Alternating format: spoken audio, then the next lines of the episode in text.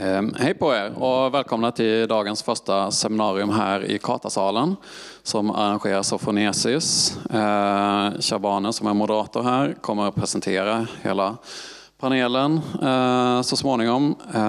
Jag heter Edvin och kommer från CMS som är en av de arrangerande organisationerna här. Um, och jag tänkte bara ta något jättekort om typ nödutgångar och sådana saker. Um, ni kanske redan har sett, men um, där finns en och här finns en uh, utgång och där finns en utgång. Uh, det är flygvärdinne-style här nu. Uh, men uh, jag ska lägga till också att när det gäller just eh, nödlarm och sånt så finns det tydligen ett gäng alarm som kan gå av här i lokalerna och då piper det lite grann och det behöver ni faktiskt inte bry er om. Utan brinner det, då kommer det komma en röst som säger att det brinner. Eh, så det är viktigt att bry sig om däremot. Eh, så man behöver inte få panik om det börjar pipa lite grann någonstans för då är det någon som har ryckt i fel dörr eller något sånt där tydligen. Ehm, ja, men jag tror i princip att det var det som jag behövde säga. Ehm, så eh, är det något så hugg tag i mig eller eh, någon annan av oss som är eh, funktionärer här. Vi har sådana här fina lappar på oss. Okej, okay. tack för mig. Hej, Shabane Barot heter jag och sitter i redaktionen för Fronesis. Jag ska moderera det här samtalet. Då har vi tre gäster. Magnus Hörnqvist som är professor i kriminologi vid SU.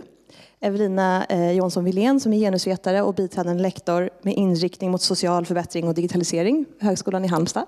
Och Sara Edenheim som är historiker och eh, lektor i genusvetenskap vid Umeå universitet.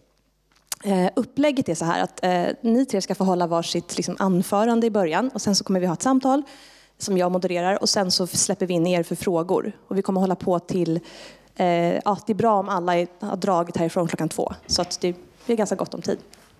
Ehm, och då eh, så tänkte jag väl släppa in dig Magnus. Får du börja. Men skulle inte du göra lite reklam också? Just det, gud förlåt. här är numret.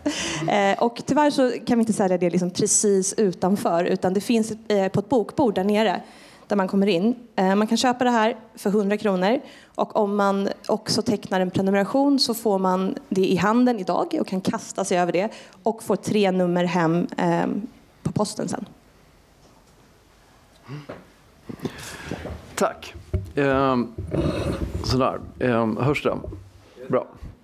Eh, det här ska bli skitkul. Eh, vi har hållit på med det numret, jag och Johan Lindgren som var den andra nummerredaktören i tre års tid. Och nu har vi varit ute och pratat om numret lite grann. Men det här är första gången som, vi, som jag får vara med i en panel som pratar om erkännande utifrån ett mer politiskt perspektiv. Eh, och därför tycker jag att det ska bli väldigt roligt. Och tycker det ska bli väldigt roligt vad ni eh, har fört till den här diskussionen. För jag tycker att det här är en otroligt central diskussion för eh, inte bara akademin utan framförallt för folk som är eh, delar den här traditionen. Jag har fått tre frågor av Shabane. Jag tänkte läsa upp dem och svara på dem i turordning. Fråga nummer ett, säger Shabani i sitt mejl. Är frågan om erkännande till sin natur kopplat till en kamp slash konflikt? Frågetecken. Det är precis det som är så centralt, tänker jag. Det här num alltså nu pratar jag om numret. Numret är väldigt filosofiskt till sin natur. Men det är ju kopplat till en spänning som, som gör att den här, alltså kampen, jag tänker att den här kampen är nödvändig, eller ofrånkomlig, ska man nog säga på svenska. Den handlar om en förpolitisk mylla som alla politiska rörelser måste knyta an till om de ska vara framgångsrika. Varför då? Jo, därför att det finns inget sätt att kliva ur den här kampen. Kampen om erkännande, eller kampen för erkännande, är någonting som vi alla gör.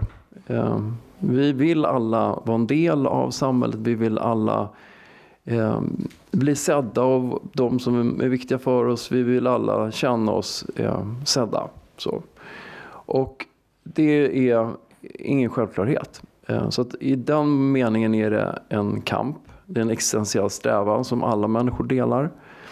Men det är också politisk kamp och den här spänning, spänningen eller spännvidden mellan eh, existentiell strävan och politisk kamp den, det blir en slags förpolitisk mylla som det är helt nödvändigt att knyta an till eh, för alla politiska rörelser som vill vara framgångsrika. Och naturligtvis, jag ska säga det med en gång, naturligtvis, eh, vi är inte bäst i klassen på det här just nu, eh, utan det är högersidan. Eh, jag kommer just från det här eh, föredraget som var i Z-salen och jag menar, det är en väldigt mörk bild, eh, så den vet vi. Okay? Så kan man ju se, kan vi bli bättre på det här? Kan, vi bli liksom, kan det här bli en paradgren även för vänstern? Jag ska sluta med lite sådana funderingar i den riktningen. Det är ett rörligt mål det här. Det finns ingen gräns för erkännandet. Alltså, vi kan inte få nog. Vi kan inte liksom få nog. Vi kan inte bli liksom varaktigt erkända. Eh, det tar slut om det inte bekräftas. Ehm, om vi får erkännande så vill vi ha mer och det gäller oss som individer tror jag. Och jag tror också att det gäller politiska rörelser. Det är liksom, hur mycket rättigheter är, nog? Hur, hur mycket resurser är nog? Ehm, hur mycket status? det finns ingen eh, slut på den frågan. Utan det här är ett rörligt mål. Och det är inte bara ett rörligt mål i den meningen att eh, som det heter ibland i demonstrationer att vi vill ha hela bageriet, inte bara en del av kakan. Utan det är också ett rörligt mål på ett annat sätt. Resurser kan vi ha. Vi kan ha rättigheter, men vi kan inte ha erkännande. Erkännande är en upplevelse. Vi kan se att vissa grupper har högre status, ja, och mer resurser, ja. Det kan vi se, men vi kan inte avgöra att någon person har, är, är erkänd. Eh, det är en upplevelse.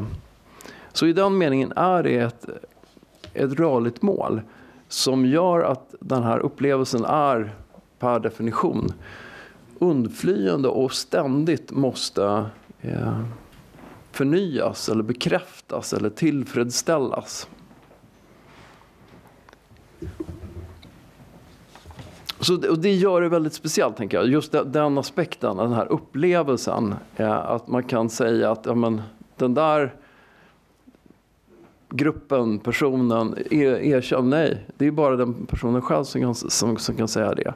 Så när vi gjorde det här numret så hade vi hela tiden den här tanken om identitetspolitik från höger, kulturkrig och så vidare. Det, liksom, det surrade i bakgrunden. Um, men, men, men det, jag tror att det är ganska så här, ytliga eh, beskrivningar. För det finns ingenting som säger att, att eh, människor som röstar till exempel på Sverigedemokraterna eh, saknar erkännande mer än andra grupper. Eh, det finns inget som säger att de har större behov av erkännande än andra grupper. Eh, utan det finns något mer allmänmänskligt här som, som, ehm, som gör det intressant. Och ingen grupp eller person ehm, har något större behov av erkännande än någon annan. Utan det här är ett begär som måste tillfredsställas. Och det görs på ett eller annat sätt. Alltså det tillfredsställs på ett eller annat sätt.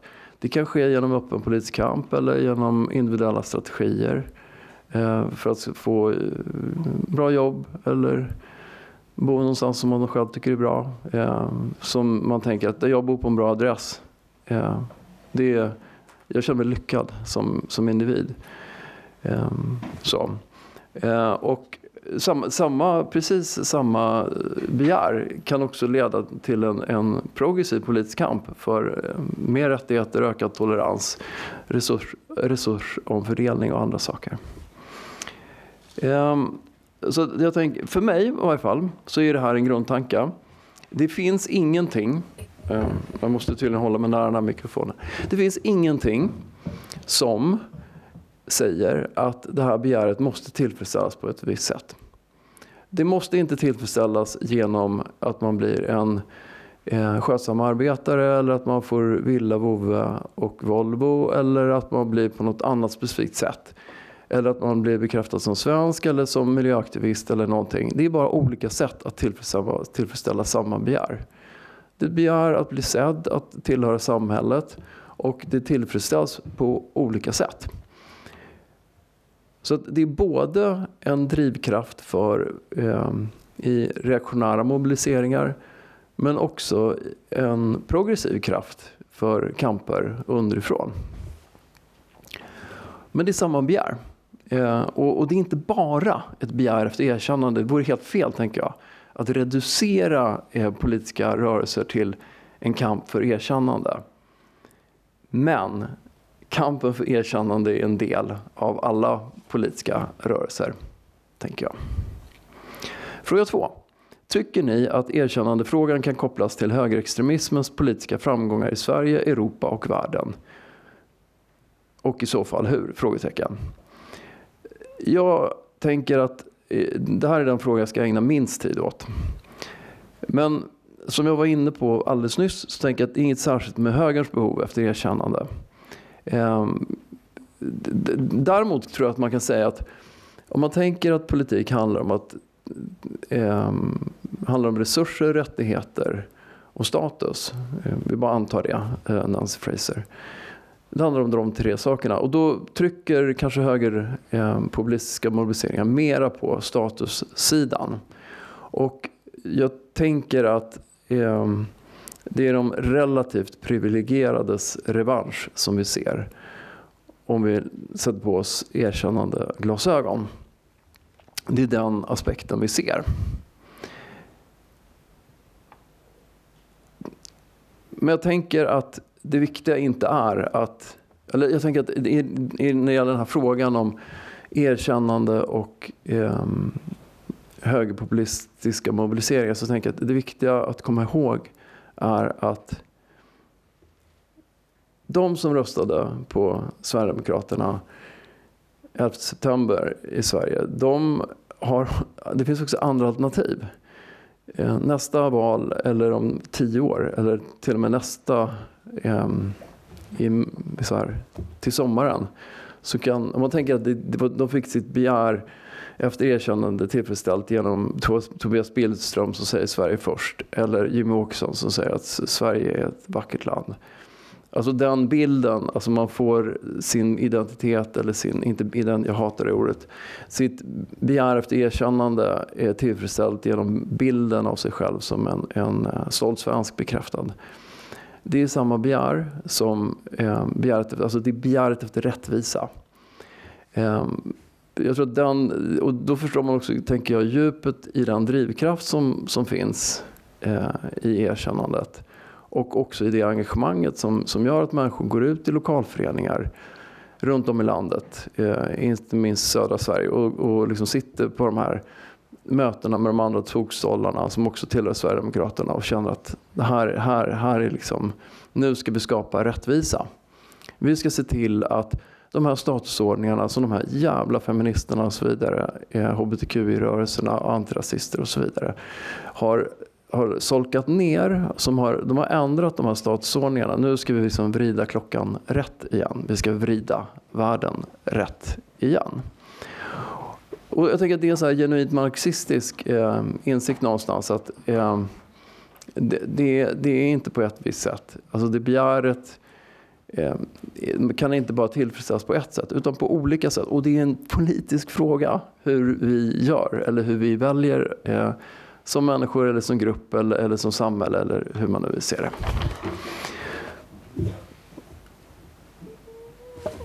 Den sista frågan, fråga tre, är så här. Eh, hur erkännande fungerar eller konkret kan fungera som verktyg i olika kamper? Frågetecken. Det är ju den roligaste frågan. Ehm, um, Frey, alltså in, vi har lite texter av Fraser och Lamont och Honneth. Det spelar ingen roll om ni kan de namnen eller inte i det här numret. För om man börjar med Fraser så säger hon så här att eh, rättvisa har tre dimensioner.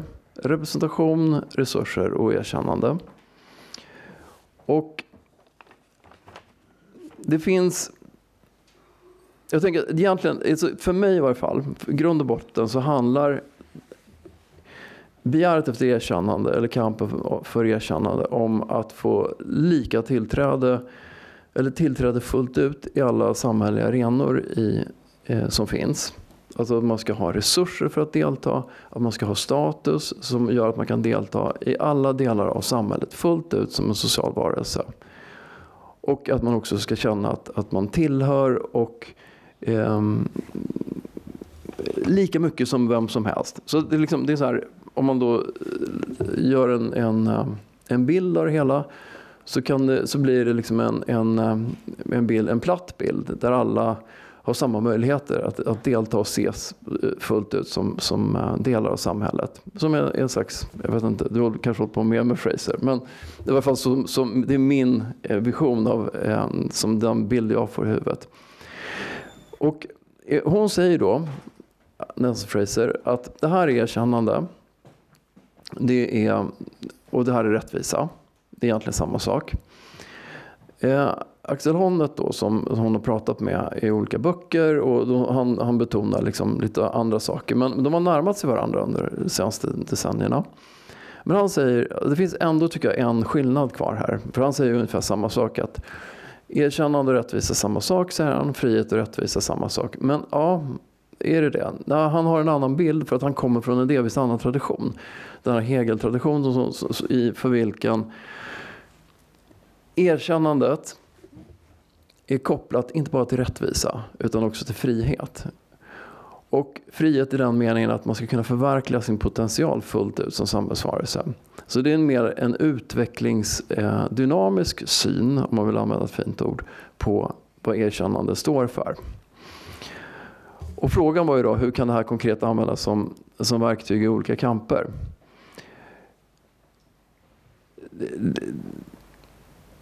Jag tänker att det finns något särskilt eh, med erkännandet. Och, och det handlar om att det är ingenting, just det som jag var inne på tidigare. Det är ingenting som man kan konstatera att man har. Utan det är en upplevelse. Vem är det som ger den upplevelsen? Ja, det kan ju vara en konkret person. Men oftast så är det ju någonting som man skulle kunna kalla för den generaliserade andra. Ehm, man kan kalla det för statusordning. Ehm, man kan kalla det för en, en bild av hur man ska vara, hur man ska leva sitt liv som finns i samhället.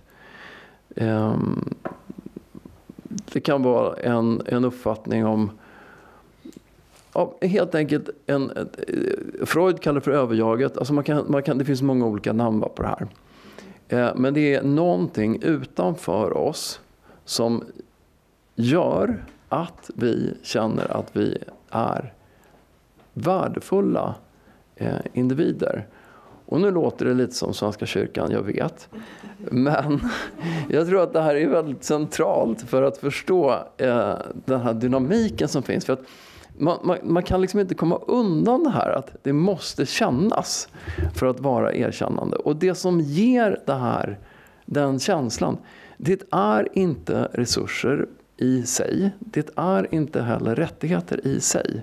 Utan det är de två sakerna tillsammans med den här blicken från, eh, som man bara känner eh, som människa i det här samhället. Oavsett var man bor eller oavsett vad man liksom har för position i samhället. Och det är naturligtvis olika normer, självklart, för olika individer. Om man är man eller kvinna och så vidare. Och så vidare. så det är, liksom, det är inte samma generaliserade andra för, för alla människor. Men, men det, det, finns där ute. Och jag tror att, att uppmärksamma den här generaliserade andra, det är precis det som är nyckeln för eh, det här konkreta som, som du var inne på, Shabana. Alltså det här, hur ska man kunna använda det här konkret som politisk kamp? Och jag har tänkt jättemycket på det här. Jag tänker att eh, det, det finns någonting här som vi också måste uppmärksamma som aktiva eller, eller wannabe aktiva eller som för detta aktiva i politiska gräsrotsrörelser. Att när vi är ute och gör aktioner eller går i demonstrationer eller skriver artiklar eller organiserar sådana här konferenser. Då ifrågasätter vi också den generaliserade andra. För, för tänk efter, alltså så här, varför är, alltså om man backar tillbaka till förra frågan. Det här att eh, någon, vi säger att det är en kille som är egenföretagare. Nu, jag försöker vara så här, hitta ett politiskt korrekt exempel. Men en egenföretagare i Söderhamn, jag kommer på det här under tiden här, men egenföretagare i Söderhamn.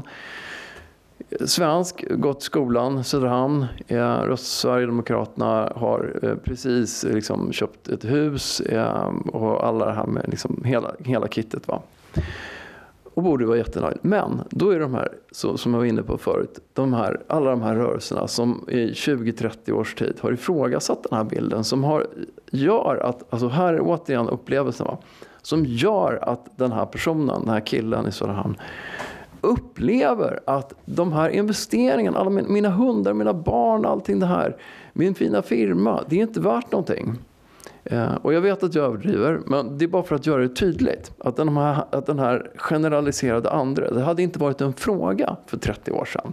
För då, liksom, då var Söderhamn, eh, eh, kan, jag säger Söderhamn därför jag skulle kunna säga Filipstad också eftersom jag själv kommer från eh, det stället. Det var liksom, då var man hemma och det är du inte längre idag. Eh, för att du, du är fortfarande förbannad. För att du känner att det, det, är inte riktigt nog. Du, fortfarande, du känner inte erkännande. Och det gör vi också på vänsterkanten. Eh, fast av någon anledning, och nu blir jag personlig, eh, på ett eh, icke-privat icke sätt som man hoppas att man kan vara. Jag funderar över att eh, jag var också aktiv många år. Och jag kände aldrig någon brist på erkännande. Och varför då? Jo, tror jag, när jag har tänkt på det i efterhand.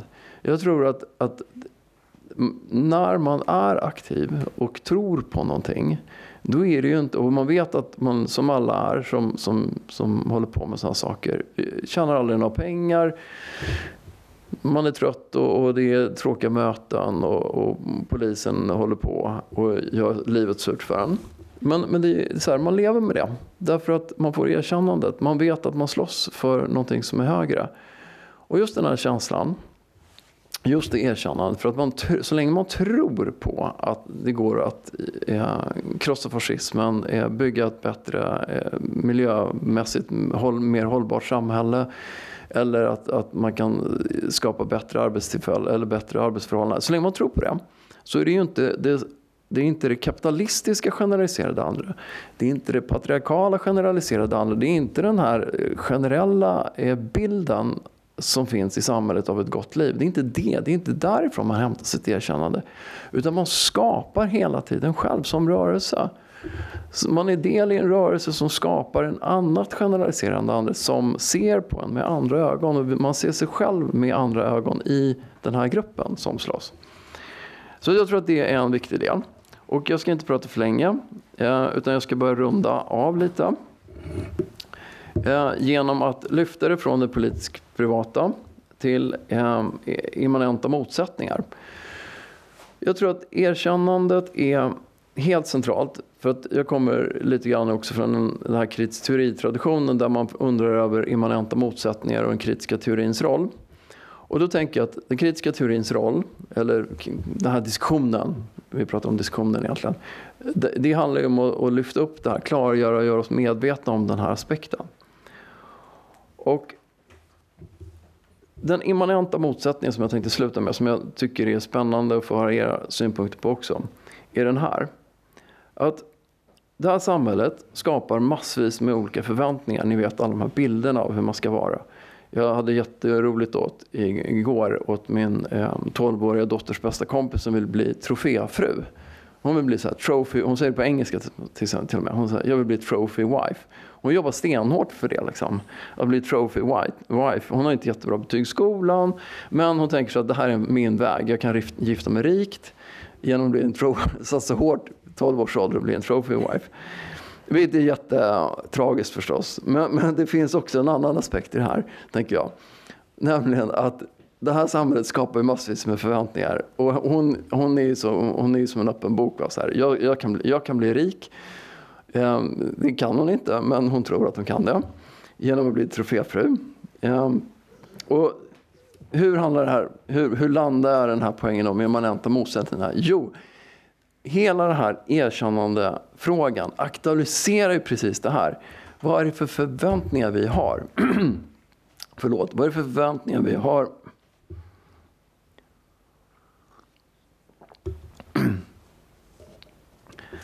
vad är det för förväntningar vi har på våra liv? Vad är det för förväntningar vi har på vad samhället ska erbjuda oss? Ehm, och det gör ju att vi strävar ju efter att uppfylla de här förväntningarna som vi har på oss själva som kommer också från samhället. Och de krockar ju hela tiden. Det är, folk är ju, det här samhället är ju bättre på att, att skapa förväntningar än på att tillfredsställa, att uppfylla förväntningar. Och det är, det är den krocken som erkännandebegäret ger sig till känna. Bara fortsätter att driva på. Jag ska ha de här. Jag, förvänt, jag, ska, bli, jag ska bli, kanske inte rik, men, men jag ska ha liksom ett bättre liv. Jag ska ta mig in på den här arenan. Jag ska, vill göra de här sakerna. Och det kan gå helt fel och det kan gå helt rätt. Och jag tänker att eftersom det är samma begär som leder helt fel och leder, kan leda helt rätt, eller bara samma hjulspår som finns eh, för oss allihopa, så är den uppgiften för eh, en diskussion om erkännande, uppgiften för en sån diskussion är att lyfta upp och undra, är det här eh, bra förväntningar? Leder de verkligen rätt? Leder de eh, till ett bättre, är de i progressiv riktning, det här begärets riktning, eller eh, leder det oss liksom, eh, i händerna på Jimmie Åkesson? Tack.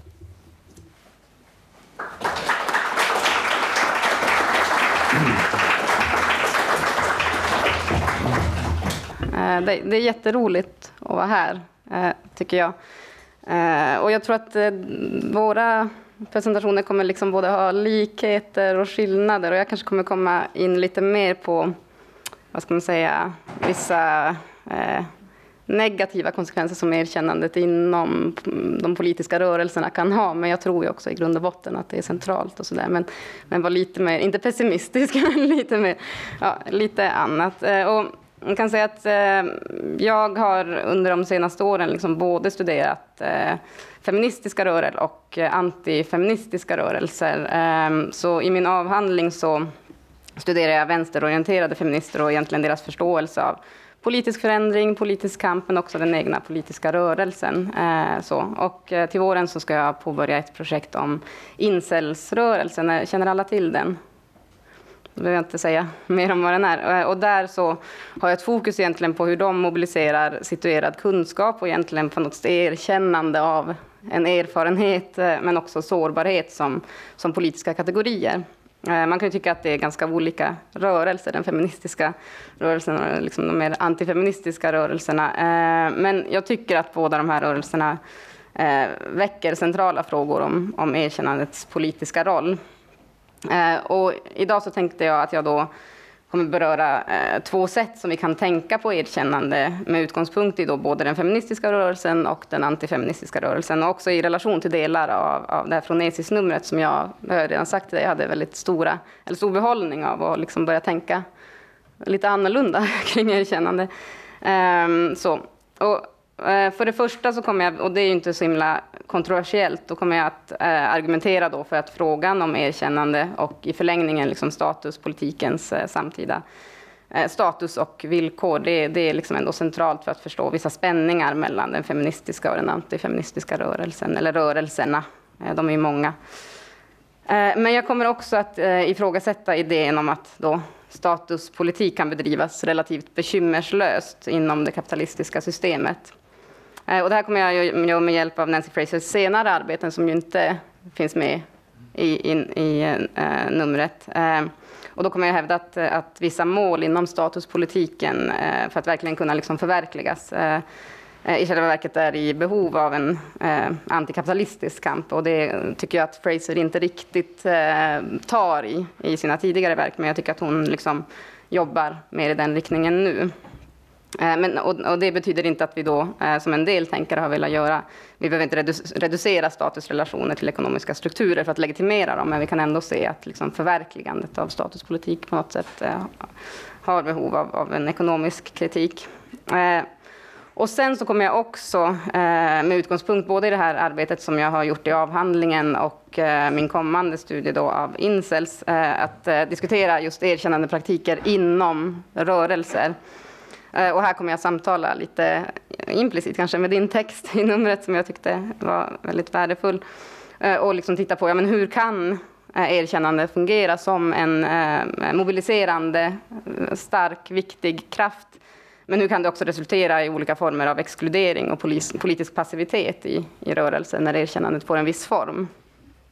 Så det är liksom det, jag det jag kommer göra. Och här eh, går jag då från att förstå just erkännande som en viss typ av politik i relation till en annan typ av politik som jag tycker har varit väldigt mycket fokus i, i debatten till, till att faktiskt kolla på det som någonting som handlar om rörelsernas inre liv och också liksom, eh, mer existentiella eh, behov hos människor som kan mötas på, på olika sätt. Det är jag också helt med på. Eh, så jag kommer börja då med den här första eh, frågan helt enkelt. Eh, ja, relationen mellan den feministiska rörelsen och nu, nu säger jag den feministiska rörelsen, men jag menar liksom lite mer, eh, och den antifeministiska rörelsen och då eh, erkännandepolitiken i, ja, i, i vår samtid. Och nu kommer det bli lite så här eh, mycket fraser. lite eh, ja, Eh, så, men bear with me, det kanske är, är tråkigt men jag kommer komma någonstans hoppas jag med det. Eh, och som eh, ju numret visar och som eh, ju många av er också eh, har koll på så när man talar om ojämlika förhållanden i vår samtid så återkommer ju ofta den här liksom, distinktionen mellan status eh, och eh, klassrelaterade orättvisor och kamper. Eh, och en vanlig uppfattning är ju då att eh, statuskamper med liksom sikte mot erkännande har ett större svängrum på något sätt än de då klassinriktade kamperna eftersom statuspolitiken inte i direkt mening behöver angripa eh, de ekonomiska förhållandena. Så att klasskampen förknippas då eh, istället med liksom färre och mer marginella framgångar. Eh, och den här asymmetrin i, i möjligheter brukar ju då beskrivas som vad ska man säga, en av anledningarna till den här ökade konservatismen, misogynin, rasismen som präglar det samtida politiska klimatet. Eh, där man liksom i, talar om den progressiva nyliberalismen som på något sätt eh, tillåter vissa grupper att avancera i status, förbättra sina villkor och krossa glastak, men som då fungerar som en grogrund för resentiment hos, hos grupper som eh, tycker att deras villkor har blivit sämre och sämre. Och den här bilden av liksom den andres eh, avancemang eh, tänker jag är både sann och falsk på samma gång.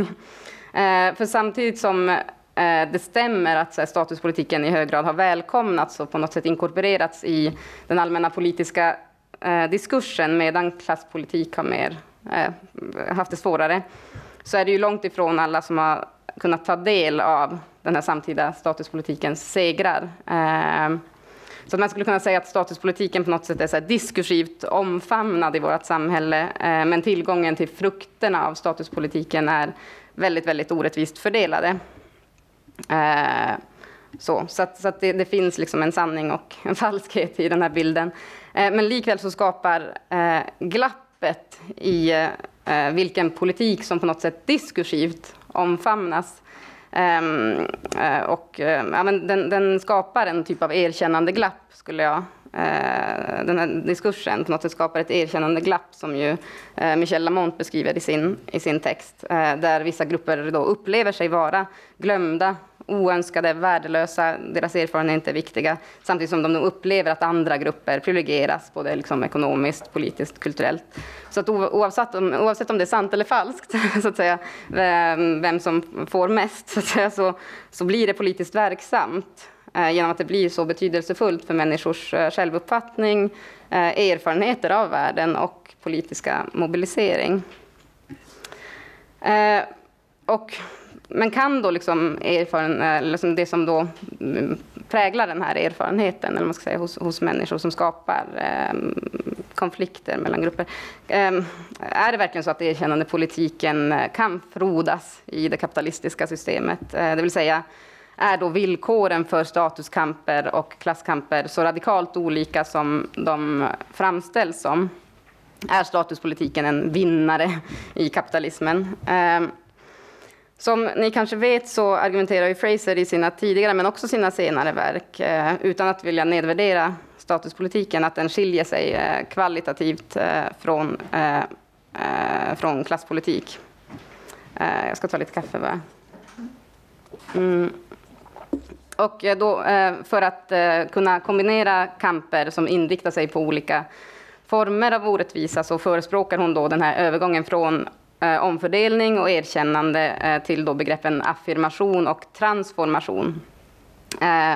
Och med den här övergången så menar hon då att vi kan undkomma konflikten mellan en upplösning av identitet i det socialistiska projektet och en konsolidering och erkännande av identitet i, i de här erkännande politiska rörelserna eh, till då förmån för det som kallas för en transformativ ekonomisk och eh, kulturell politik som på något sätt inte ja, som, som både vill omvandla identitet och, och eh, eller ifrågasätta identitet och det ekonomiska systemet. Men i, i, senare texter av, av, Fraser som jag har läst nu så menar jag att den här spänningen mellan identitet eh, och upplösning av identitet, eh, som ju är en fråga som är väldigt präglad av en 90-talsdebatt, eh, spelar en ganska, inte en så framträdande roll. Eh, jag vet inte om ni håller med, vi får prata om det sen om, om ni vill prata Fraser. Eh, utan det som då istället sätts i förgrunden här är liksom de kapitalistiska egendomsförhållandena eh, som sätter käppar i hjulet både för eh, kulturell och ekonomisk rättvisa. Eh, så då medan hennes fokus mm, tidigare låg på rörelsernas identitet och strategi och vad som blev svårt för rörelsen när de skulle liksom, äh, äh, mötas. Så då, det var tidigare, fokus, men nu ligger det då, menar jag, mer på de ekonomiska villkoren som de här rörelserna alla har att förhålla sig till. Ehm, så här blir alltså liksom betonandet av en förändring i egendomsförhållandena allt tydligare.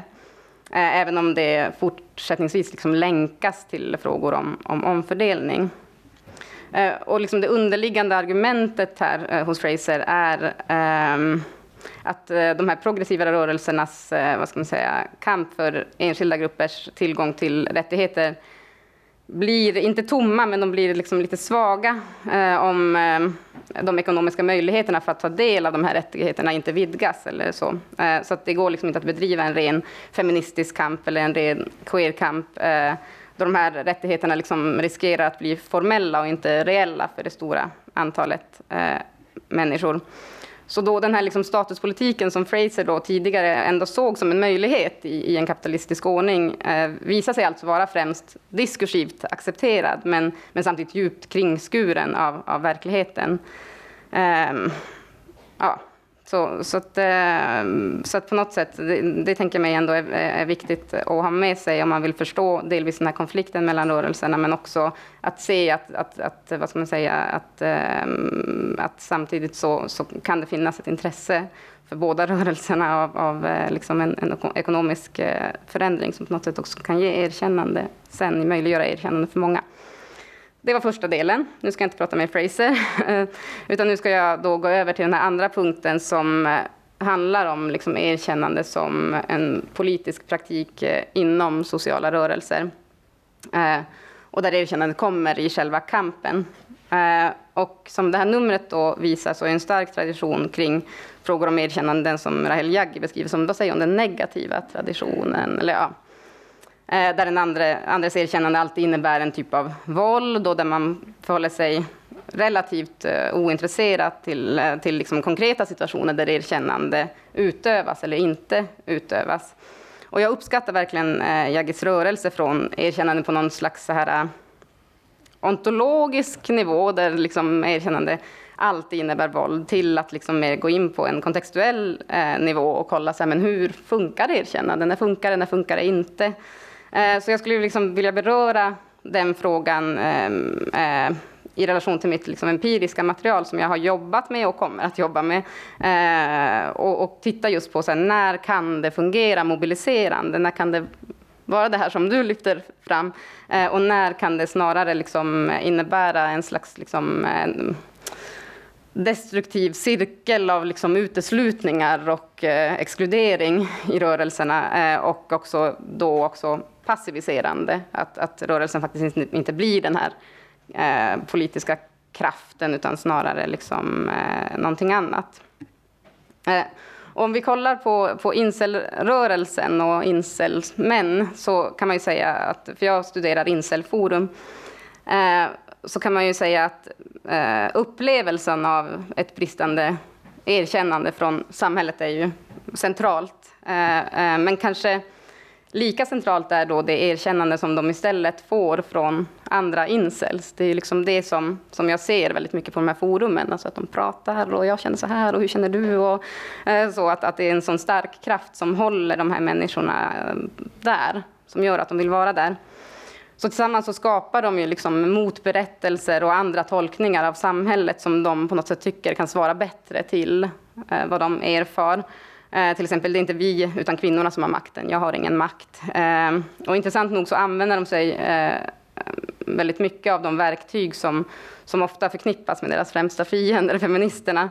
Eh, när jag har kollat på de här forumen så kan man se att eh, diskussionerna ofta, eh, många gånger tar liksom formen av något som nästan skulle kunna ses som ett så här basgrupparbete där liksom erfarenheter delas, erkänns och tillsammans liksom tolkas teoretiskt. Så det är, det är jättespännande. Eh, så det här erkännandet av den andra incelmannen blir på något sätt liksom ett, eh, ett kitt för den specifika incel-gemenskapen och också deras liksom kunskapsanspråk. Um, och, då är det så, och så är det också så att då människor som inte har erfarenhet av ofrivillig celibat får ju inte vara med, eller om de har fel erfarenhet av, av ofrivillig celibat så får de inte vara med, eller om de inte har nog mycket erfarenhet av ofrivillig eh, celibat så får de inte vara med. Och de erkänns inte som politiskt legitima subjekt. Så det liksom sker någonting här i erkännandet som också hela tiden inte erkänner. Alltså det måste vara på något vis en ren identitet som incelman eh, som, som måste liksom, ja, vad ska man säga, bli, alltså, utövas. Eller, ni förstår vad jag menar, tror jag. Eh, så på så vis så blir liksom erkännandet av den andra liksom centralt i formerandet av de här incel-communitiesarna, där man liksom kan hamna innanför eller utanför, och där väldigt många kämpar för att ta sig in, men inte riktigt får. Så. Ehm, och som forskning liksom kring de här rörelserna visat tidigare så kan då den här viljan att tillhöra den här gruppen, eh, den kan liksom leda, till, eh, leda till en liksom radikalisering av de här männen som kanske har sökt sig till forumen för att förstå och kanske ta sig ur sin ensamhet, men, men då liksom inser att det är inte en väg här. Det är inte eh, så, utan det centrala blir då istället erkännandet som incel-identiteten i sig kan ge. Eh, kanske i brist på upplevelsen av liksom annat politiskt och intimt erkännande. Eh, så det sker liksom en slags konformism i, i, att bli den som kan bli erkänd här. Eh, så. Eh, och, eh, den här relationen mellan liksom erkännande och konformism återkommer även i, i delar av den empiri som jag studerade i avhandlingen. Eh, där det var liksom viljan att bli sedd som en riktig feminist som, som, liksom, eh, som syntes och att då få tillhöra en, en, feministisk gemenskap och att den i vissa fall kunde liksom bli starkare än den här ambitionen, det här målet att, att eh, driva feministisk politik. Eh, för det feministiska handlandet, att liksom agera, eh, det öppnade alltid upp för möjligheten att göra fel, eh, att liksom inte vara en korrekt feminist och då riskerar man att bli av med det här erkännandet som man får i den feministiska gemenskapen, vilket då leder till att man, som en av informanterna i min avhandling uttryckte det, hellre inte gör någonting alls. Eh, för då kan man liksom vila i att vi är ändå tillsammans. Eh, eh, men om jag gör någonting då, eh, då, då, då, då, finns det risken till kritik och sen så finns det risken till att jag inte får vara med. Eh, så att samtidigt som erkännandet, tror jag, verkligen är eh, delaktigt och centralt för att skapa en politisk gemenskap så finns det fall där det liksom kortsluter eh, ja, politisk handling. Eh, och att liksom den här rädslan att inte få ingå, som är så, att viljan att ingå är så stark och rädslan att inte bli erkänd trumfar den politiska kampen. Eh, så. Och jag tänker att båda de här fallen, eh, både incel-communityt liksom och de Eh, feministiska rörelsen, pekar på hur centralt erkännandet är inom politiska rörelser.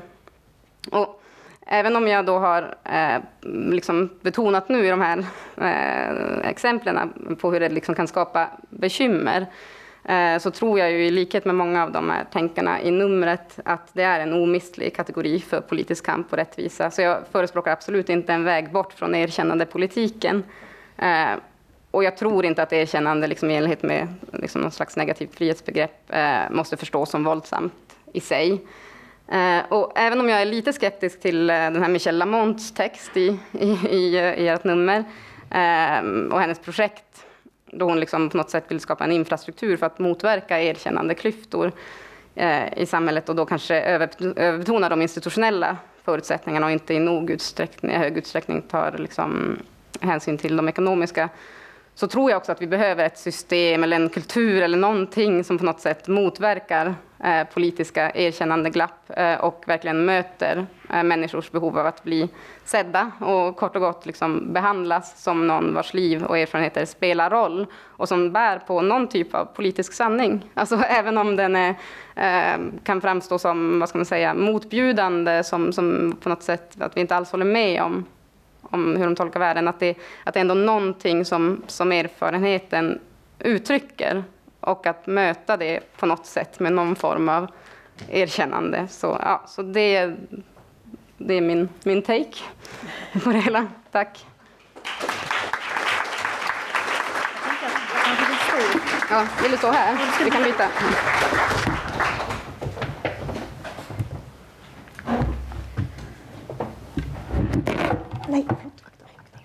Vill du stå?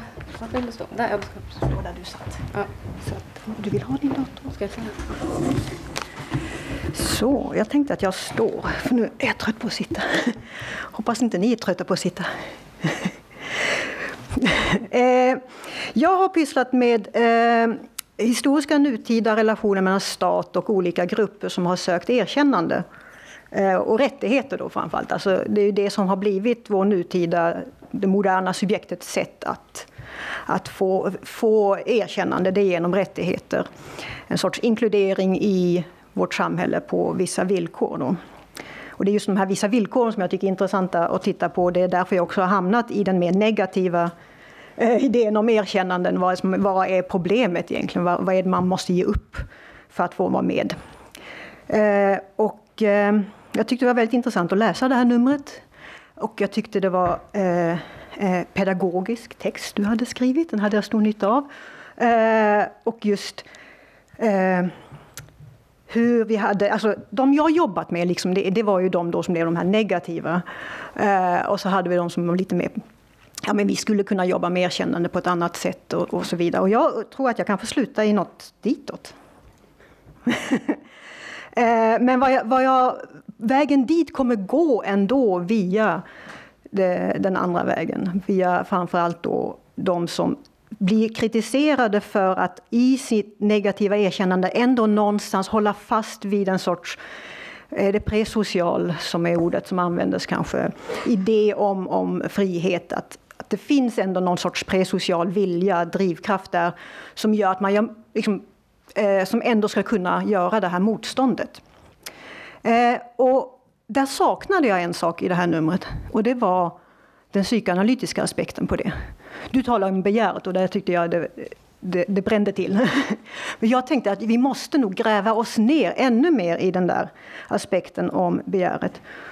Eh, så, så det är det jag först tänker prata lite kort om. Eh, och det gör jag utifrån de frågor som jag fick. Och den första var ju då om, kan du upprepa den, om det var konflikt? Ja, är, om det är nödvändigt kopplat till kamp och konflikt? Om erkännande är nödvändigt kopplat till kamp och konflikter, ja. Det tänker jag att det är. Men nu definierar jag, definierar jag erkännandet på ett lite annat sätt. Jag tänker att det allra första erkännandet är egentligen ett missförstånd. Eh, och då går jag tillbaks till psykoanalytikern Lacan och hans spegelstadie som inte alla behöver känna till. Men det är barnet omedveten om sin kropp, allting är fragmenterat, noll koll på läget, liksom, eh, som plötsligt ser en reflektion av sig själv i en reflekterande yta, då, en spegel. Det behöver inte vara en spegel. Eh, Lacan påpekar att även eh, barn som ser in i sina föräldrars ögon, alltså ögon är ju en spegelyta, reflekterande yta, får den här upplevelsen. Och där är någon sorts idé om att där sker det första missförståndet. För det består i att jag ser mig själv i spegeln. Jag ser en enhetlig kropp, en enhetlig bild av mig själv. Men det är ju inte jaget. Det är mig, alltså det är en reflex, reflekterande yta, en representation av mig själv. Och det där är en fantastisk upplevelse. som är viktig för alla. Liksom. För då går man från det här fragmenterade, gränslösa, eh, okontrollerade till att plötsligt känna jag har kontroll, jag kan lyfta armen och då rör sig bilden och så lyfter jag armen och så vidare. Det är så vi subjektiveras, det är så vi liksom blir får någon, någon sorts idé om medvetande. Det är där det börjar. Grejen är att missförstånd består i att jaget kvarstår. Det är okontrollerbart. Det är fragmenterat och det är där vi har någonstans, någonstans det omedvetna som får liksom finnas kvar. Där. Och den här, det här misstaget, tänker jag, det är det som skapar en konflikt. Det är det jag menar, ja, det är en del i konflikten. Erkännande är alltid konfliktfyllt. Eh, men den sker ju här inne i oss, så att säga. Eh, vi behöver utestänga det här jagets fragmentariska eh, verklighet och göda det här, den här reflektionen, den här bilden av mig som enhetlig, kontrollerbar. Som om det är liksom just enhetligt och autentiskt. Det är verkligheten, det är det som är det sanna jaget. Det jag ser och det som då jag tänker att andra också ser när de ser mig. Och det är det som skapar omedvetna konflikter. Jag tänker att det är det vi alla kämpar med. Jag tycker att ni har ju varit inne på det båda två, den här interna kampen, liksom, behovet som uppstår. Kanske att vi skiljer oss på just vad jag tänker vad man ska göra med det här behovet. Eh, kanske. För det här blir ju en kamp om subjektivitet som man... Eh, ska vi se, vad har jag egentligen skrivit om? Det blir en kamp om subjektet då som har blivit till här ihärdar och envisas med att så att säga, tro att det är den här bilden, den imaginära bilden, reflektionen som ska erkännas i sin helhet. Och det är det jag tycker är liksom, tar fasta på den här enhetligheten, helheten. Eh, och utifrån det så, så tänkte jag att då, fråga två som jag då försökte besvara, fråga två var eh, om det är kopplat till högerextremism? Ja, om det kopplas till högerextremism, ja. Därför att jag tänker så här att det är liberalismen som uppfann den polit det politiska erkännandet egentligen på ett sätt i vår moderna tid. Eh, och det har liksom det här behovet av erkännande som jag beskrev från det psykoanalytiska hållet har liksom liberalismen kanaliserat på ett väldigt effektivt sätt för att skapa politiska mobilisering av olika slag. Eh, Eh, det, det, är liksom, man har behövt peka på det här enhetliga jaget för att få rättigheter. För att bli medborgare eh, eller inte bli diskriminerad och så vidare. Eh, för att bli inkluderad då i ett kapitalistiskt samhälle, få leva det kapitalistiska livet. Man har som kanaliserat behovet av erkännande till att handla om de här fantasierna om, om vad livet är. Villa eller vovve eller vad det nu kan tänkas vara, men andra saker också. Ehm, och det har då historiskt sett, eh, det här är en ganska modern, modern idé om hur man ska jobba med, eh, med eh, olika grupper som då inte anses alltid vara självklara, universella eh, subjekt bara automatiskt utan som måste kräva den här platsen. Det har ju kvinnor fått göra, det har eh, judar fått göra, andra religiösa minoriteter fått göra, homosexuella, trans och så vidare. Liksom det är samma story som upprepas. Eh, vad de alla har avkrävts, det är en stabil historieskrivning. Och det är det jag som historiker har tittat lite grann på. Hur det här kravet på att du ska bevisa att din grupp har alltid funnits. Den är alltid stabil, den kommer inte förändras, det är ingen fara att det liksom smittar på något sätt eller att man råkar Eh, bli fler eller något liknande. Så historieskrivning har använts i den här liberala eh, rättighetskampen på det sättet. Och den har ju också samtidigt, och det är det som jag tycker är viktigt, skapat de här grupperna. För när jag har tittat på hur staten har relaterat till erkännande krav från olika grupper så har jag också sett hur grupperna samtidigt har blivit till. Homosexualitet är ett väldigt bra exempel på det. Eh, hur, hur, gruppen blir till genom den här sam eh, erkännandet. Staten blir också erkänd som en god stat när den erkänner de här.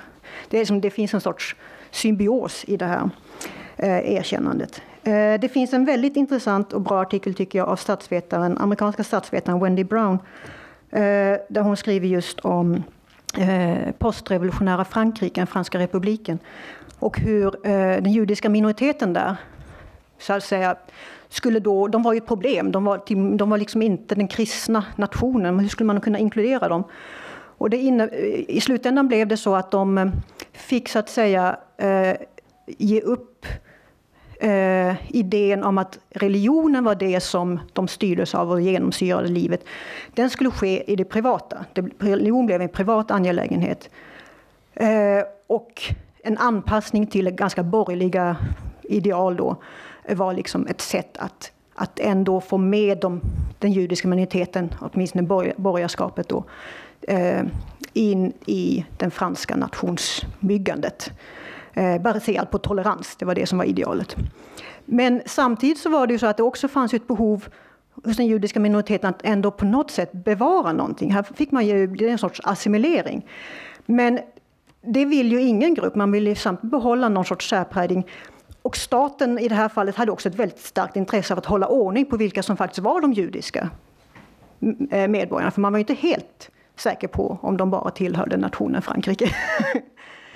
Eh, och vad gjorde man då? Om nu religionen inte var det som skulle eh, liksom, skapa eller definiera det, ja då skapade man helt enkelt en idé, den fanns redan. Jag gör den väldigt förenklad den här bilden nu. Brown gör det bättre i sin artikel. Då blir det att man tar till eh, idén om ett ontiskt jag, alltså du är genomsyrad av det judiska. Eller du är som homosexuell genomsyrad av just det, alltså någon sorts genetisk idé. Eh, eller essentialistisk idé, det behöver inte vara generna, det kan vara själen eller vad som helst. Eh, och på så sätt fick man komma in delvis i någon sorts eh, nationsstat. Homosexualitet gick exakt samma väg. Man måste bevisa medicinskt, det är stabilt, det är genetiskt medfött. Vad som det, den alltså utvecklingen ledde till, det tror jag ni alla gissar vad som hände med den här rasbiologin sen 70 år senare. För det är ju det nazisterna tog och använde sig av. Så det är en väldigt farlig väg att gå, den här typen av eh, erkännande. Liksom att, att försöka slå fast vad som egentligen är den inre essensen i varje grupp. Eh, ska vi se. Och det är också farligt när rörelserna själva gör sig beroende av den här typen av retorik. Man kan ju förstå varför, det är det här som är symbiosen mellan staten. Eh, men det, det kan alltid hela tiden leda till någonting eh, mycket värre. Eh,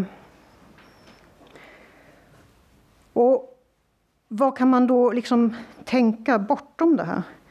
Ja, problemet är att den här imaginära reflektionen, den finns där, men, men den liberala användningen eller kanaliseringen av den är ju ett jättelätt byte för högerextremismen. Jag nämnde precis ett sådant.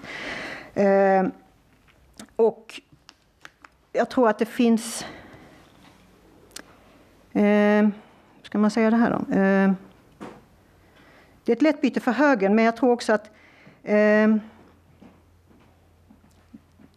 jag tror, tror att eh, vänstern har på något sätt använt sig av den här liberala idén om det totala eh, erkännandet. Se hela mig, på något sätt. Och, och det har, har eh, det har varit i vissa fall det enda sättet, eh, kanske. Så jag säger, vänstern har gjort sig beroende av den liberala subjektsynen medan högern har utnyttjat den. Det är liksom lite två olika saker. Och då uppstår frågan, tänker jag, om vi ska fortsätta på det spåret, eftersom de uppenbart utnyttjar det, hur vi än vänder och vrider på det. Ehm, eller om man kanske ska försöka tänka, hur kan vi överkomma den här fantasin om den enhetliga, eh, det enhetliga totala erkännandet? Ehm, vad krävs liksom av oss för att kunna överkomma den eh, idén om eh, totalt det här är en tota-, totalitaristisk fantasi, det är en fascistisk fantasi egentligen som, som vi alla på någonstans, någonstans går och, och bär på. Eh, att bli totalt sedda som den vi verkligen är. Eh, och när det inte sker, när vi liksom inte får det här tillfredsställt, eh, då, då slår vi bakut och det skapar oftast våld. Eh, och det är det som är det fascistiska, liksom, drömmen om den totala eh, samhörigheten på det sättet. Nämnde jag att jag hämtade det här från en bok av en feministisk filosof som heter Eva Sjarek. Den är väldigt intressant. Eh, om just överkommandet av, eh, komma över den fascistiska fantasin. Och det här är någonting som då både vänstern och högern och Liberalerna har jobbat, alltså jobbat utifrån de här, den här fascistiska fantasin. Liberalerna går fria hela tiden. det tycker jag är lite synd. Vi pratar om vänstern, vi talar om högerfascisterna, men här i mitten har vi någonting som faktiskt är orsaken till det. Och det ska vi nog inte glömma, tänker jag. Eh, jag tror jag stannar där faktiskt. Jag kanske kan återkomma till andra saker. Ja.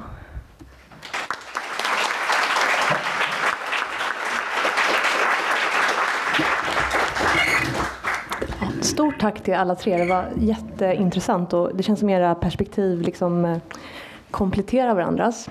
Ehm, ja, ni kanske vill kommentera varandras liksom anföranden först? Är det någon som sitter och trycker på en fråga?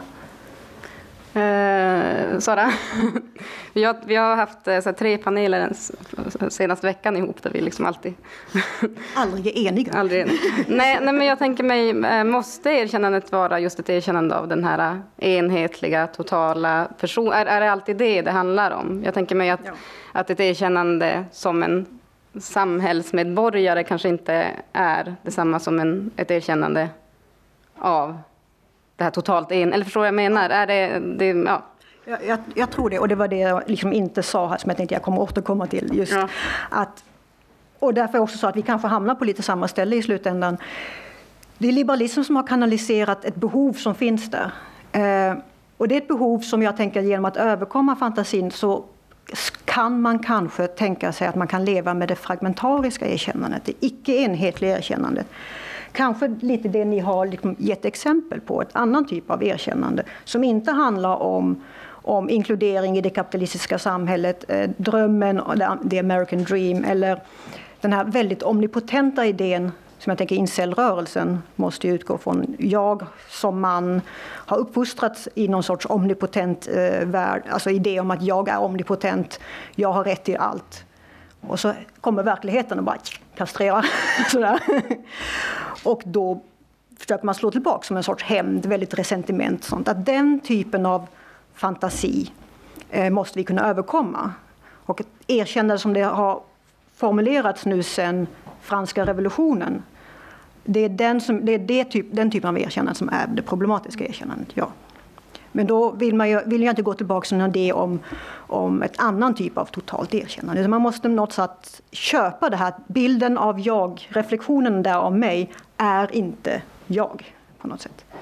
Det är därför jag så, vill gå tillbaka till den där mm. nitty gritty psykanalysen.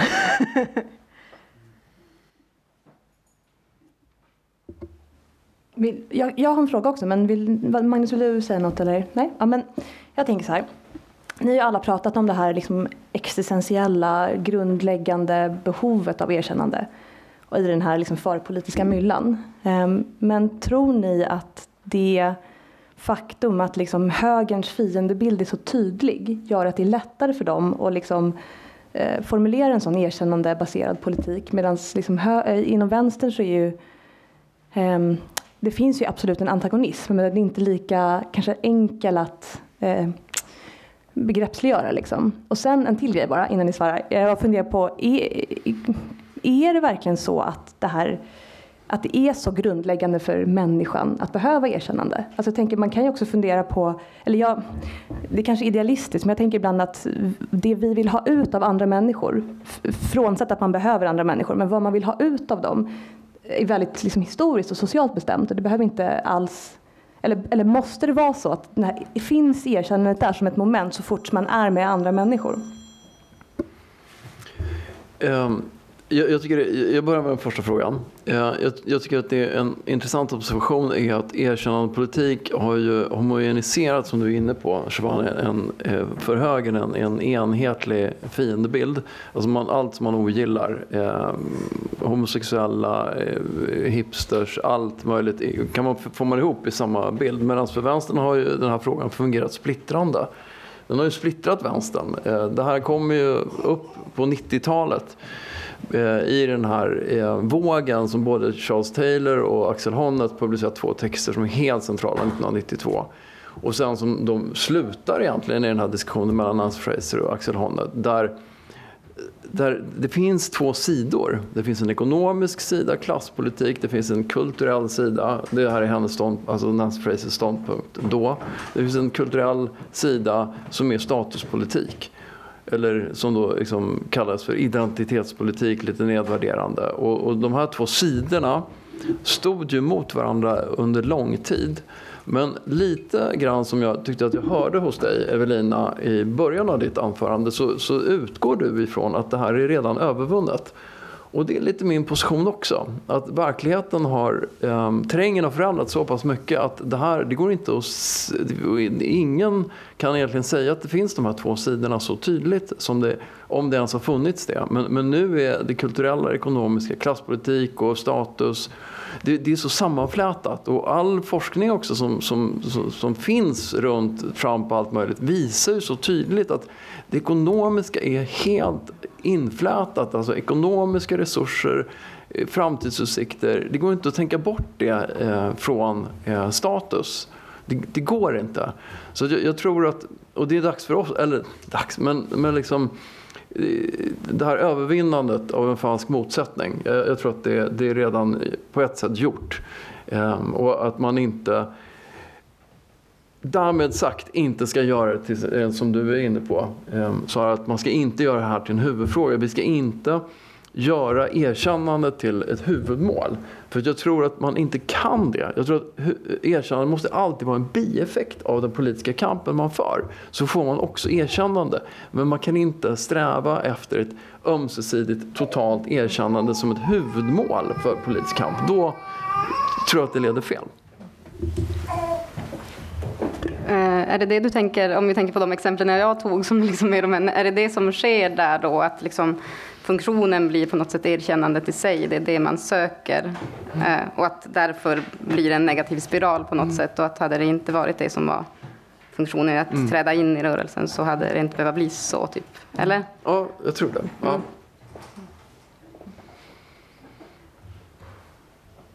Mm. Ja, måste, man, man måste kan, svara på alla frågor. Vill du svara? Ja, men kan du upprepa igen? För nu eh, börjar jag lyssnade på Magnus och så börjar jag liksom... Eh, eh... nej, men jag menar bara att liksom, man antar att det finns det här behovet av erkännande från andra och mm. i det finns en mer eller mindre uttalad antagonism. Liksom.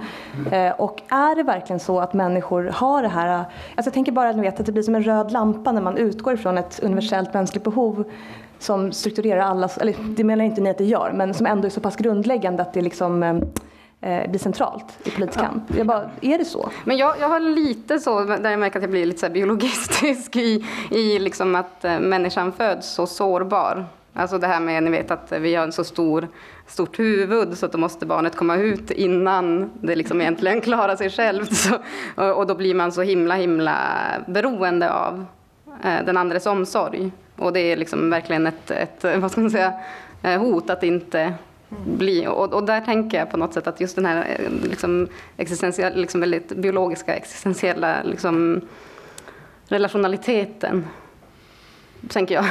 Så, så ja, eh, på något sätt, jag, jag, har inte tänkt färdigt kring det, men jag tänker att på något sätt är det också kopplat till erkännande och, rädd, och var liksom rädslan att inte bli erkänd. ändå kan, men det beror också på vad man menar med att bli erkänd. Alltså, jag tänker att jag har en ganska bred Eh, Eh, förståelse av det och det är på något sätt att bli på något sätt också, det handlar om omsorg för mig och det tror jag ändå är en ganska eh, grundläggande komponent. Ja. Jag vet inte vad ni, om ni köper den här... Eh, Nej, men jag, jag har ju också en bred definition av erkännande som går bortom liksom det statliga. Statliga bara använder den här. Och jag skulle nog ändå, inte biologi magi kanske, men, men en, en, annan typ av materialitet som jag känner är, är grundläggande. Och det är ju eh, Alltså jag tror att jag, ändå, alltså jag presenterade någon sorts så här funkade mm. idé med jag tog Lacans spegelstadie. Mm. Så att jag kanske inte är riktigt vad du hoppas på. men, men, men ju... ja, vänta, förlåt. Kan jag bara avsluta? Ja, självklart. Eh, och, eh, det här med spegelstadiet, det, det, kan låta jätteflummigt och konstigt men, men det är ju en ganska materiell definition. Lacan skriver också att, att det här är en materialistisk definition av hur medvetande uppstår, att den är nödvändig. Men konfliktfylld, traumatisk, inte någon enkel sak och det är det vi måste lära oss liksom, hantera. Ja. Alltså, det finns också en annan tråd eh, hos Lacan tror jag, som, som, som gör att jag, jag, tror att man kan säga att det är ett universellt eh, behov. Som inte går, man kan inte liksom fly från behovet därför att eh, Lacan säger ju att begäret är först och främst den andres begär. Så att mitt begär är ju inte mitt begär utan mitt begär är ju andras förväntningar på mig egentligen. Det är de jag ska uppfylla. Och jag kan inte, inte uppfylla dem. För att om jag inte uppfyller dem så får jag inget erkännande. Så att vi är liksom fast i det här att vi, vi, vi måste uppfylla andras förväntningar oavsett vad vi tycker om dem. Så därför tänker på det sättet så tror jag att det är ett eh, universellt begär som inte är rotat i någon slags eh, överhuvudtaget fysiskt eller kroppsligt eller mentalt utan att det finns där ute i det är, det är social, en social relation om man, om man så vill. Men kräver inte det den här, ni köper inte det här det stora huvudet? Så, så. Jag menar, är det inte den här, liksom, den här liksom, perioden mellan att barnet föds till att det där sker, den andres blick är ju också just den här, det här totala kaoset, liksom det här mm. oformade på något sätt, det här liksom icke-färdiga. Mm. Jag tänker mig ändå att de hänger ihop, att ni liksom inte kan bortse från Ja, men, det är inte så jätteviktigt. Men jag, ja. jag, jag, kan, jag mm. tycker omsorg, absolut. Alltså jag, jag är 100% bekväm med att människor har behov. Liksom. Och liksom också så, små människor har ju väldigt stora behov. Och jag tänker att för mig är liksom inte omsorg en antagonistisk eh, relation. Utan det är någonting som eh, olika personer får. Utan att eh, man kämpar, eller det är inte oproblematiskt men det, det, liksom, det föregås inte av en kamp mellan två subjekt. Så, så det är kanske det jag funderar på lite. Det finns andra grundläggande behov och liksom händelser som kan få andra politiska implikationer kanske. Men jag, jag förnekar absolut inte, jag tycker så här, du sa att det är en social relation, det var lite det jag ville höra liksom, för att vara mm. nöjd. Men eh, det är jätteintressant att bara höra vad ni tänker om det allmänt. Mm. Mm. Ska vi gräva i den? Eller? Nej, vi behöver inte gräva i den. Nej, vi, kan, nej, nej. vi kan fortsätta. Vi blev biologister och universallister. Ja. Mm. Nej, men jag tycker det var jättefint att era, liksom, ni hade så olika ingångar och när du kom på slutet Sara så blev det väldigt liksom, bra. tycker jag. Och Evelina, du pratade om incelrörelsen och det här att bygga en politisk gemenskap där man ger varandra erkännande. Och det är ju en sån ödesfråga nu, liksom, varför röstar folk på Sverigedemokraterna till exempel? Och de har ju inte, såklart inte i ett vakuum, men de har ju en politisk gemenskap där man får erkännande eh, som, som inte är det här erkännandet från den liksom, liberala staten. Så det pågår ju, verkar det som, liksom, olika erkännande bildande rörelser i samhället. Och eh, vad kommer vänstern in där? Liksom? Vi, jag är helt med på att det finns en möjlighet till erkännande i kamp, men vad är, vem, vem ska ge det? Liksom? Och gentemot vem då? Ska jag? Ska jag? Nej. Nej, jag tänker att du, Magnus, kanske vill börja ta i den frågan. Eller? Eh, det, alltså, Sara, du pratar jättemycket om, om det erkännande som man får från staten mm. och att det är paketerat i form av rättigheter. Mm. Och um, Evelina, du pratar ju om det här erkännandet som man ger liksom, på mikronivå, mm. mikronivå, så till varandra i de här eh, grupperna. Och, och, jag vet, alltså, det, det ställer ju frågan, vem, vem, vem ska ge erkännandet? Det är den frågan, alltså, vem, vem ska ge erkännandet? Och jag tror att eh, det, det som jag var lite inne på, det är att, att vi uppfinner det. Vi måste uppfinna det längs vägen i kampen. Alltså, vi kan inte förlita oss på de här gängse statusordningarna som finns.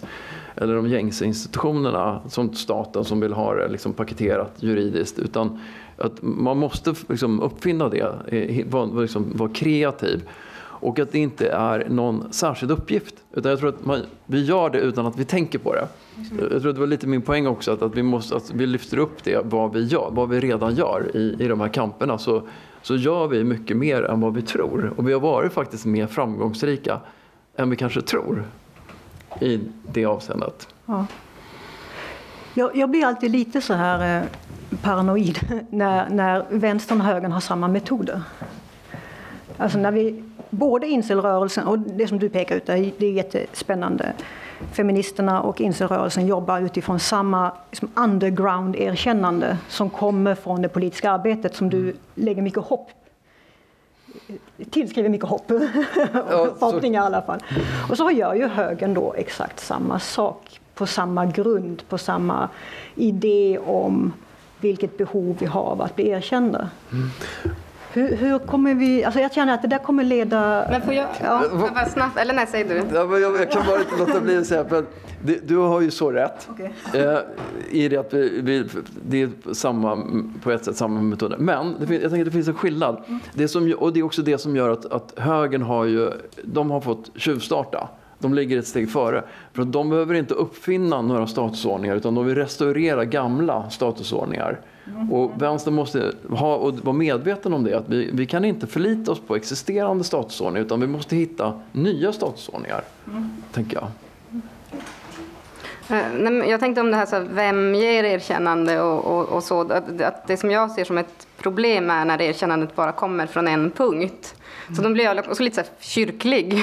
Alltså, eller liksom att jag tänker liksom någon sån här bara bombardering av, av erkännande på något sätt på olika nivåer och att man liksom inte egentligen kan ta, ta bort en och säga att det är dåligt erkännande, det statliga erkännandet. Eller liksom utan, utan att se att det också har sin väldigt viktiga eh, funktion och att liksom det politiska erkännandet eh, alltså så här, och liksom en ekonomisk struktur som på något sätt eh, inte placerar människor på så hopplöst olika platser och som också, ja, alltså sådär, att, att liksom i någon typ av, av nät av liksom erkännande från olika håll så tänker jag mig att det skulle kunna bli någonting. Eh, positivt. Alltså där, där på något sätt inte det är, för jag tror att det finns problem när det bara blir rörelsen på något sätt. Eh, för då blir man så otroligt beroende av den och då blir det också liksom det, det kritiska samtalet inom rörelsen kan liksom stagnera eh, i, i att det, det här existentiella som jag tänker så tydligt blir knutet till rätten att få vara där. Liksom. Verkligen. Och jag tänker att det finns ju så två helt olika traditioner. Alltså Butler står, Judith Butler står för en tradition och den har ju varit väldigt välrepresenterad nu i, i det här negativa, den mörkare sidan av, av erkännandet. Där, där normer igen, i grund och botten är förtryckande. Eh, låst fast oss vid, vid människor och, och positioner som, vi, som gör att vi, vi eh, förtrycks. Och, och, men och, eh, och, vi kan inte, precis som du säger, vi kan inte bara hitta på saker från början. Eh, vi måste också kunna bygga på det som finns med Butlers insikt tror jag. Alltså att, att de här normerna som finns, de samhälleliga normerna, samhälleliga moralen, den, den är kanske framförallt till och med eh, förtryckande, låser fast oss i positioner och identiteter. Men det finns också, det är inte bara det. Jag tror att det finns också saker att liksom, och, och liksom bygga vidare på. Det var därför jag tog det här larviga exemplet med 12-åringen som vill bli troféfru. Att jag tror att det finns något även där att, att bygga på. Jag tänkte, eh, bara en, en kort kommentar kanske till det du sa innan. Du tänker att, att högern har ett försprång. Eh, och jag, jag, jag tänker oftast, inte tvärtom, jag tänker att vänstern var den som störde ordningen för högern. Och vi gjorde det på ett visst sätt utifrån specifika eh, diskurser, retorik om, om erkännande. Och ibland är det som att vi gav dem verktygen. För nu vänder de dem mot oss. Så att säga. Och då är det ju lite så att vi var först. och nu måste vi kanske ta lite ansvar på det sättet. Eh, och inte bara rent två oss hela tiden från att högern är identitetspolitiska. Men vänta, var det inte vi som var anklagade för det alldeles nyss? Hur kommer det här sig? Eh, Men eh, jag tror att det här med att vi måste tänka utanför rörelsen, alltså vi, det är jätteviktigt.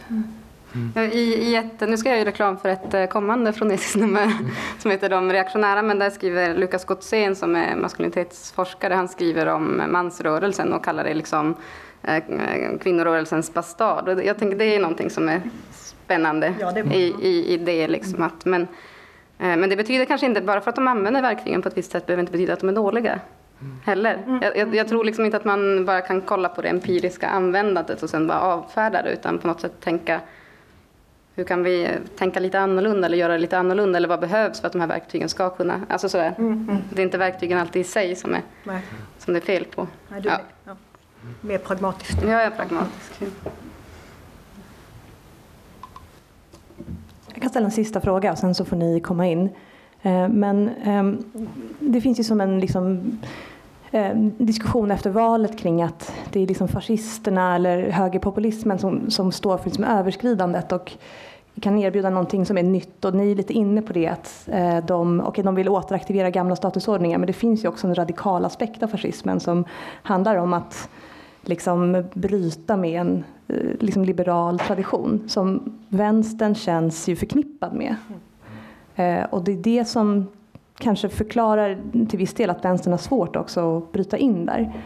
Eh, det var kanske ingen fråga, men... Eh, Det var ett jättebra svar på en, annan, på en fråga. Alltså det var ju ett svar ja, på något. På något ja. ja. ja.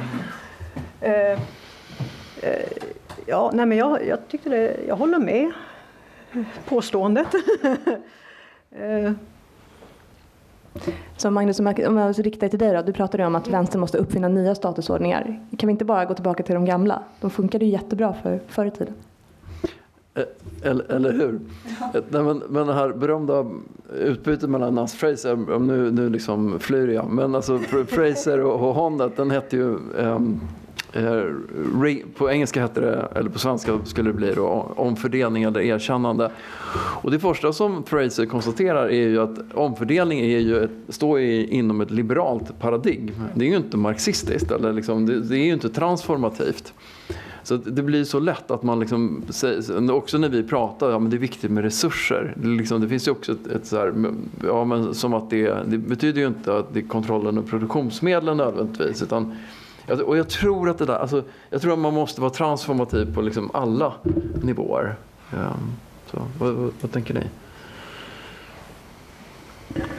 Eh, ja, men, men jag, jag tänker mig att, att eh, det som jag kanske har problem med med Frasers tidigare tänkande, där jag tycker att hon liksom ändå har rört sig mot en riktning som jag tycker är intressant, är, är på något sätt att de här identiteterna är så viktiga för människor liksom, nu och att, det, och att att, det, att det är liksom arbetet för någonting nytt ska kanske inte börja i att luckra upp dem, utan att faktiskt erkänna dem. Så, alltså så, här, så, att, så att inte tänka på något sätt så här som nå- så här radikala brott, utan bara eh, utan tänka lite mer i steg kanske, eller någonting lite pragmatiskt. Jag vet inte om det är ett svar, men, men att, hon, att hon på något nu, eh, sätt nu är mer så här, men vi behöver förstå på vilket sätt vi lever i en gemensam värld.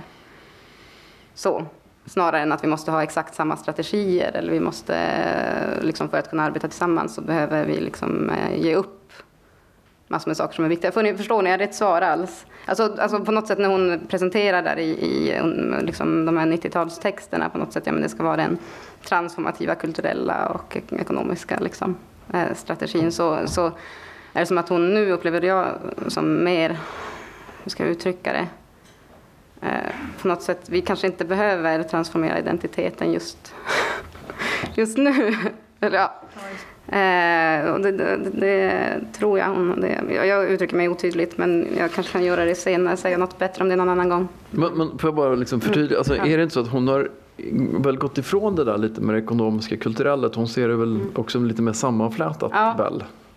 Absolut, samtidigt som jag skulle säga att hon eh, inte ser det sammanflätat på ett sätt att hon inte, hon ser det fortfarande som att, eh, alltså, hon argumenterar fortfarande för att det kan vara förtryck som är grundade i, i liksom olika.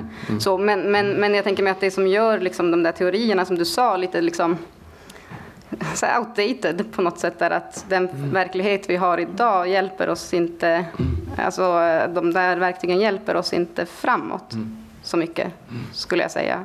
Ehm, och jag tror att hon har förstått det också på något sätt. Men så, ja. När jag läste hennes text, okej sista grejen jag säger nu, eh, så tänkte jag lite på, jag kan inte så mycket om det här men jag utgår från att ingen av er gör det heller så att jag liksom vågar säga det. Men jag försöker liksom hålla mig uppdaterad på indisk politik och där har jag liksom läst lite texter om hur, alltså hur det blir när det finns ett kastsystem som liksom verkligen cementerar olika identiteter på ett negativt sätt. Eh, och sen så finns den här liksom rörelsen av att söka rättigheter och söka, liksom definiera sig själv som grupp i relation till staten.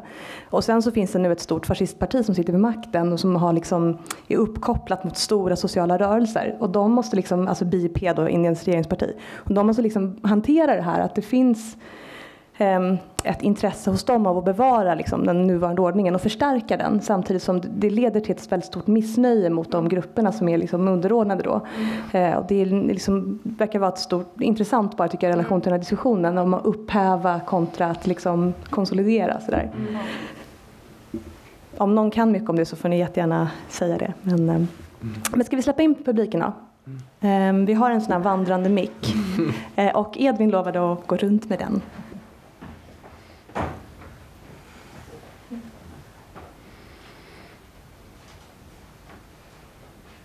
Så många händer. Jätte, jättemånga händer, det är kul.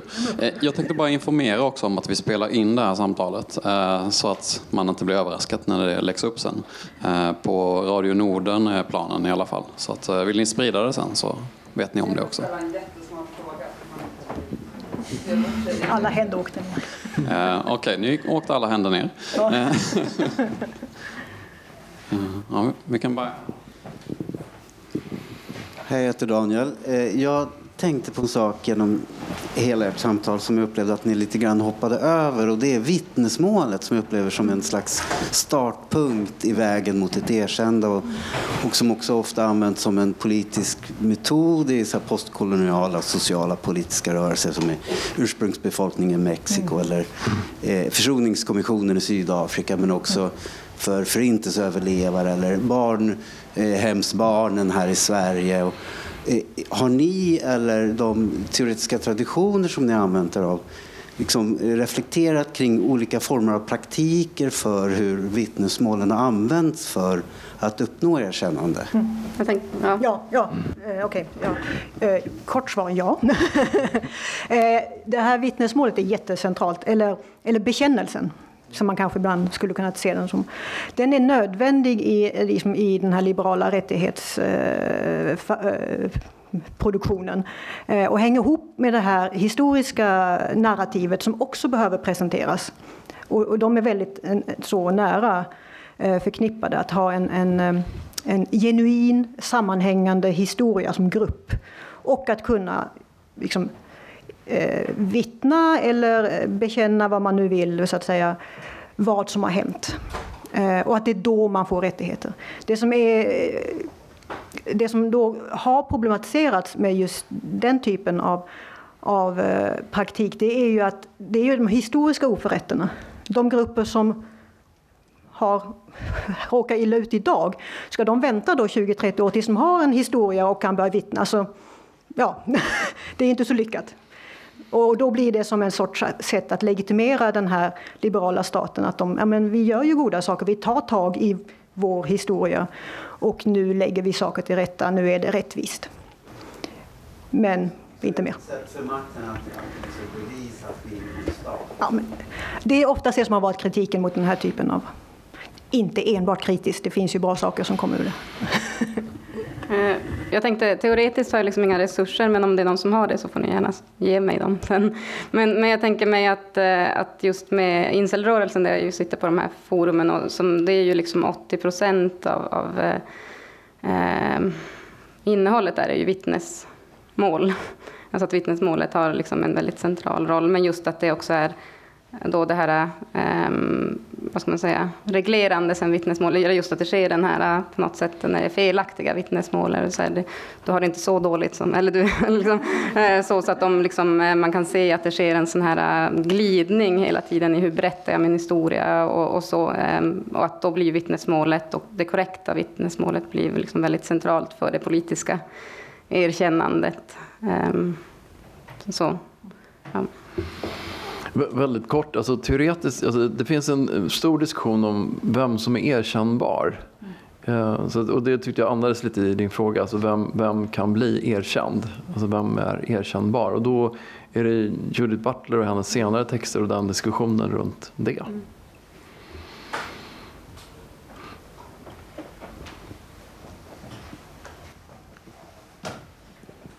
Någon mer? Jag om.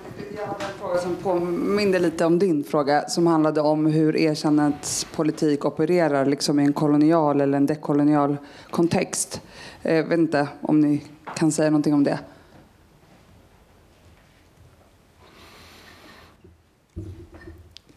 Nu, nu får vi inte bli tysta. Nej, du får absolut inte bli tysta. Men Jag tänker typ på- just, till just exempel med, den eh, vittnesmål, eh, det var därför du tänkte att den tangerade den, den Ja, första nej, men precis, alltså jag har suttit och tänkt på det Ja. hela, hela mm, vad ska man säga, föreläsningen. Men för att Ja. jag tänker, den brasilianska psykoanalytikern och politiska tänkaren Sueli Rolnik, hon, hon eh, tangerar ju det. Liksom. Mm, Just, Hon kanske inte kallar det för erkännandets politik, men det handlar om det Mm. i alla fall. Ja.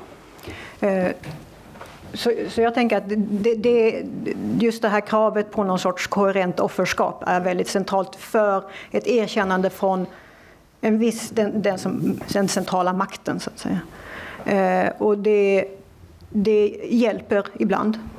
Alltså ur en akut situation så har det, men det är också någonting som gör att kanske eh, den dekoloniala rörelsen själva tar till alltså börjar liksom, vi måste ha den här koherenta historien, vi måste anpassa sig på samma sätt som många andra har tvingats eller fått göra det därför att man, det finns ju något begärligt i det där ju. Det är det som är problemet.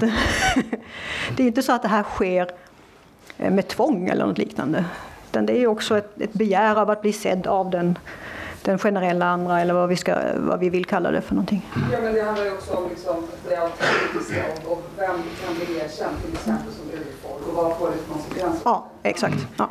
Autenticitet blir ju väldigt centralt plötsligt och det är ju ganska problematiskt.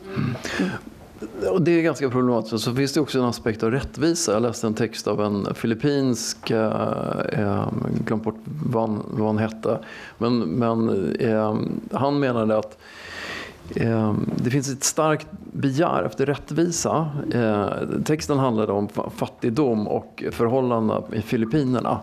Och han menar att det finns en, en, det är lätt att se det här som en, bara en fattigdomsfråga. Men, men om man ser det utifrån de som, som kämpar i Filippinerna från deras horisont och inte vem som ska erkänna dem utan man ser det från deras horisont. Då är det ett, inte framförallt att de vill bli rika utan att de vill ha rättvisa. Och, och rättvisa för att bli er. Det var en text om erkännande.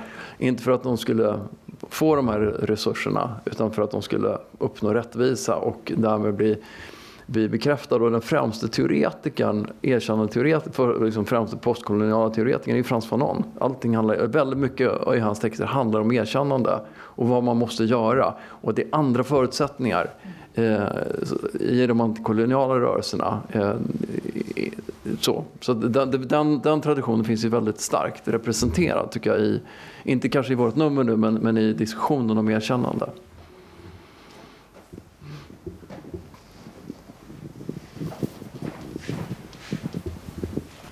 Um, jag skulle vilja höra lite mer om uh, ett tema um, som uh, en erkännande kritiker skulle kunna uh, säga, eller att erkännandet uh, handlar, eller uh, det är ändå någonting som väldigt lätt sker just inom de ramverken som till och med möjligtvis förtryckande strukturer och system uh, lägger till oss. Ex exempelvis just det här uh, queer uh, emancipationen eller uh, erkännandet uh, som har skett just inom ramen av uh, det här rättighetsdiskursen eh, uh, och uh, att det finns, att man på något sätt legitimerar stater och sånt.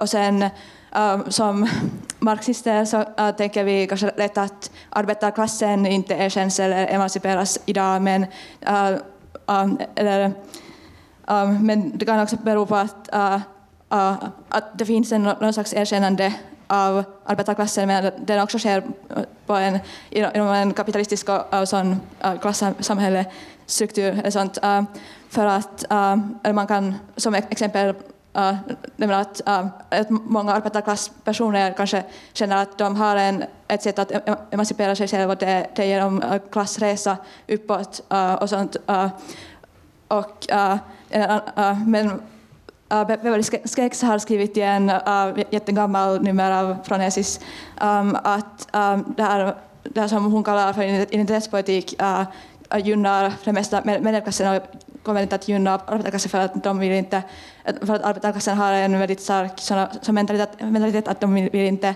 uh, synliggöra sig själv som offer av systemet eller något sånt. Uh, som stämmer från kulturen uh, hos arbetarklassen. Uh, och sen jättesnabbt, uh, mitt eget möjligt förslag skulle kunna vara att, uh, uh, eller att um, man, skulle kunna hitta någon slags utväg från uh, de här olika sätten som uh, de som har blivit antrafierade uh, utgör motstånd. E-, eller främst sådana exempel finns främst just inom queer-forskningen eller just i uh, eh, Ingeborg Svenssons avhandling handlar det om eller hur uh, homosexuella på 80-talet som, inte, som har blivit till icke-subjekter ändå gör motstånd och sånt uh, som kanske inte, inte sker uh, direkt just inom det här ramverket från av hetero-samhället och sånt. Uh. Det var min fråga. Jag tittar på dig. Skegs, jag, ja, nej, men jag, tänkte, jag, jag, tänkte på, nej men gud vad ska jag säga, Skeggs tänkte jag på i första hand. Där. Och arbetarklassens eh, respektabilitet som hon har skrivit jättebra om. För det var det du menade om att inte vilja ses som ett offer. Eh, och det, det, är ju 80, när hon skrev på 90-talet eh, och det är England och det har hänt så otroligt mycket. Och jag vet inte hur den boken skulle se ut idag riktigt, faktiskt. Det är kanske en annan offerdiskurs man kör nu, den mer eh, fascistiska varianten ändå. Det skulle vara intressant att göra en sån studie. Eh, jag hängde inte riktigt med på den sista eh, kommentaren om alltså att kunna se som, som subjekt fast man inte är erkänd och kunna sörjas och så vidare. Uh, det var kanske mer som ett uh, minikommentar till uh, det här uh, att det bildas en uh, andra, annat, en, andra som är, fungerar som uh, ett sätt att äh, uh, bygga den e, egna subjektpositionen. Men uh, jag tycker att uh, kanske främst inom just uh, antropologisk men sen å andra sidan just queerforskning så finns det uh, mycket forskning och studier om hur de här personerna som inte kan, kan riktigt slippa den här andra positionen eller alltså, positionen som icke-subjekt och uh, icke erkännbar uh, mm. ändå har, uh, de gör ändå motstånd på olika sätt. Ja, jag, jag har funderat på den här att inte vara helt erkänd och att det ses som ett stort problem och i vissa fall är det självklart en fråga om liv eller död. Men, men eh, ibland så är, betonar vi det här behovet lite för mycket. Det kanske går att leva på olika sätt utan det här stora behovet av just det statliga erkännandet. Det är massa fördelar, det, det förstår jag. Men, och det finns ju massa exempel på de som har klarat sig och gjort det. Eh, och hittat något sorts annat erkännande som man begär istället. Eh, det, det, ja, eh, det finns både historiskt och samtida sådana. Jag, jag, känner att jag börjar bli liksom flummigare och flummigare. Alltså senaste, senaste veckan har jag liksom flummat till totalt i huvudet. Men, men, men, men jag har tänkt mycket på, liksom, kan man tänka sig, i relation till frågan om vittnesmål och, och erkännande, och kan man tänka sig ett liksom vittnesmål och ett erkännande som inte är kopplat, kopplat till erkännandet av att du är den och den, utan ett erkännande av att man är erfarande subjekt, om ni förstår, som, är, som påverkas av världen, som är någonstans i världen och påverkas av det och att få berätta. Och, och det man berättar behöver liksom inte vara en koherent historia om vem jag är, utan mer bara en historia om, om de krafter som riktas mot en. Förstår ni vad jag menar? Jag, jag, det är någonting, det låter kanske flummigt, men jag tror att det finns någonting i det som, som på något sätt skulle vara liksom också en, inte liksom en återgång bara liksom och en konsolidering av subjektet utan på något sätt ett berättande som riktar sig mot världen och en vilja att skapa en gemensam historia, inte om vem är du, vem är du, utan om vad är det här för värld och hur strukturerar den världen oss och placerar oss på olika platser. Jag, jag, jag, eh, där, där har jag börjat flumma in och jag hoppas att jag kommer kunna konkretisera det på något sätt politiskt. Men, ja kan bara, som en jättekort bara säga, det finns ju en, ett känt fotografi, jag tror att det är från en typ renhållningsarbetarstrejk i USA, kanske Chicago någonstans, där det är afroamerikanska män med plakat där det står I am human, har ni sett den? De går liksom på rad och så, så har alla ett plakat där det står jag är en människa. Det finns ju väldigt kraft i det anspråket såklart. Mm. Som kanske inte behöver leda till att, alltså det vi har pratat om idag, det negativa. Ja. Men, men jag, jag, vet inte om, om, jag tror inte vi menar samma sak men jag skulle en, ställa ändå frågan. För att Wendy Brown har en formulering som brukar återkomma i hennes artiklar och det är att skapa en politik som inte utgår från vem jag är utan vad vi vill. Mm. Men det är inte riktigt samma som att vi först ska liksom prata om hur vi är i världen utan det här är kanske snarare hur vi är i världen och vad vill vi med den här världen. Eller...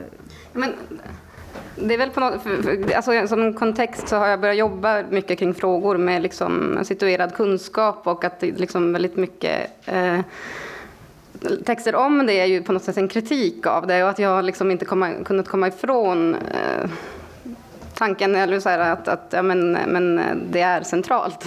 Det är centralt på något sätt, men på vilket sätt kan det vara centralt? Och då har jag liksom tänkt att ja, det är klart att vad vi vill, liksom att det kan vara bättre eh, för att liksom bedriva eh, politisk kamp. Men det är liksom en vision. Men det här är på något sätt också att, att också just erfarenheten av vad, vad har jag varit med om, vad, vad betyder det på något sätt behövs eh, för att också kunna vilja någonting, tror jag. Alltså det är... Ja, det, ja. Viljan måste ju komma någonstans ifrån. Ja. Ja. Tack. Eh, jo, jag knyter an till det här Wendy Brownska då. För sen valet har jag suttit varenda kväll och lyssnat på en slags Ring P1 för fascister som pågår 24 timmar om dygnet på Twitters, eh, ja, deras poddtjänst eller vad man ska säga. Och det kan vara upp till tusen personer som deltar där. Men det, det så finns ju det här kravet på erkännande, eller de diskuterar erkännande från varandra, att alla kommer med sina berättelser. Men allting handlar om eh, den här kränkningen de har varit utsatt för, att de har eh, hur de har stämplats, hur woke, PK, kulturmarxismen har satt dit dem. Och jag trodde jag skulle höra ett så jubel över att de har vunnit valet och nu vill de genomföra det här. Men det erkännande de efterfrågar där är ju hämnd och utrensning. Och bara på den här månaden så har det skett en så här oerhörd radikalisering av hela diskussionen där just nu. Och då är frågan då liksom resentimentet, det Wendy Brownska resentimentet. Vad kommer det in i erkännandet och blir det inte väldigt farligt när de kombineras som i det här fallet?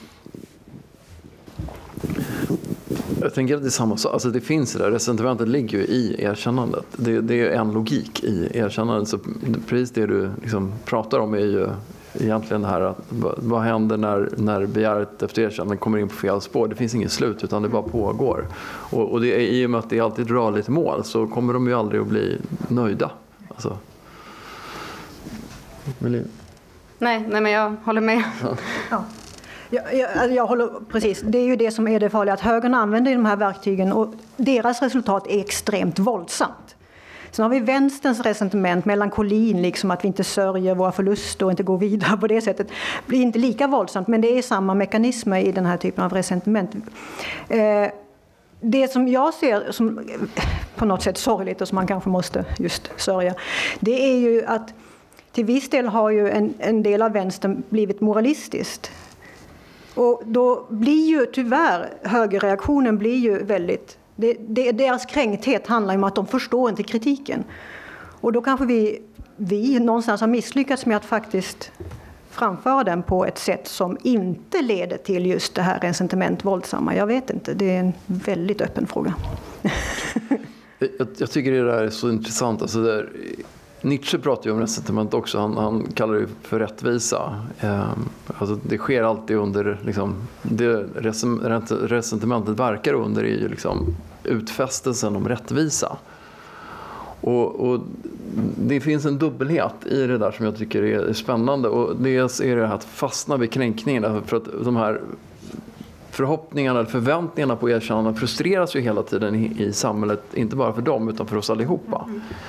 Och, och medan, fast det finns en, kanske finns en skillnad att det här med att man fastnar, och det är också det som Wendy Brown kritiserar i den här första texten som hon skrev på 90-talet, att, att man hakar upp sig på sin egen kränkthet. Man hakar upp sig på att när förväntningarna frustreras istället för att sträva efter att förverkliga det som de här förväntningarna egentligen handlar om. Mm.